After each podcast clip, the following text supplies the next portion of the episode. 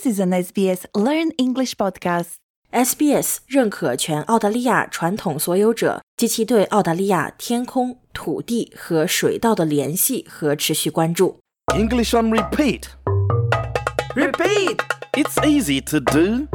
Listen and repeat! Repeat. Repeat! You'll find your way. Just say the words. You will be okay. Just listen and repeat. Repeat!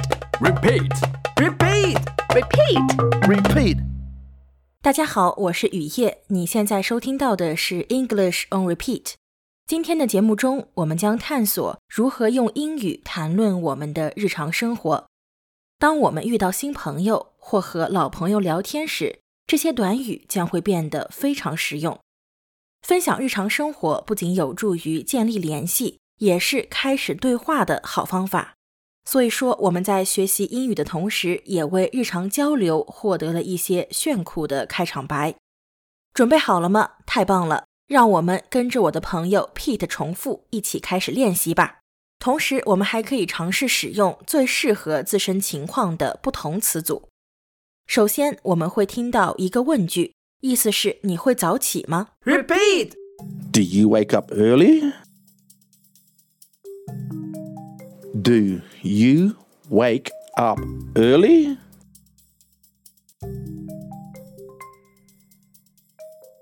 Do you wake up early? Do you wake up early? 我早上六点起床。 Repeat! I wake up at six. I wake up at six. I wake up at six. I wake up at six. 我七点半开始工作。 Repeat! I start work at 7:30. I start work at 7:30.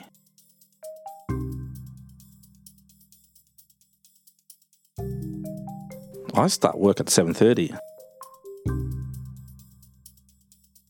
I start work at 7:30.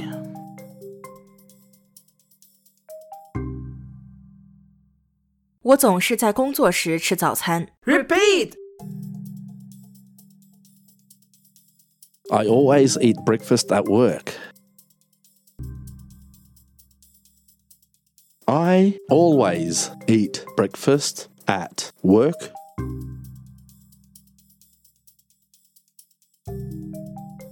I always eat breakfast at work. I always eat breakfast at work. 接下来的短语是一个问句。当我们想以友好的方式更多的了解某人的行为或想法时，可以使用它。这个问句的意思是你呢？ Repeat! What about you? What about you? What about you? What about you? 现在大家都知晓每个短语的含义了，让我们再来一轮练习。这次没有翻译，只有纯粹的语言练习。 Repeat! Repeat. Repeat! Do you wake up early? I wake up at 6. I start work at 7:30. I always eat breakfast at work. What about you? 大家都做得很棒，继续努力，不要忘记将这些短语融入你的日常生活中。熟能生巧， 让我们一起期待下一期节目。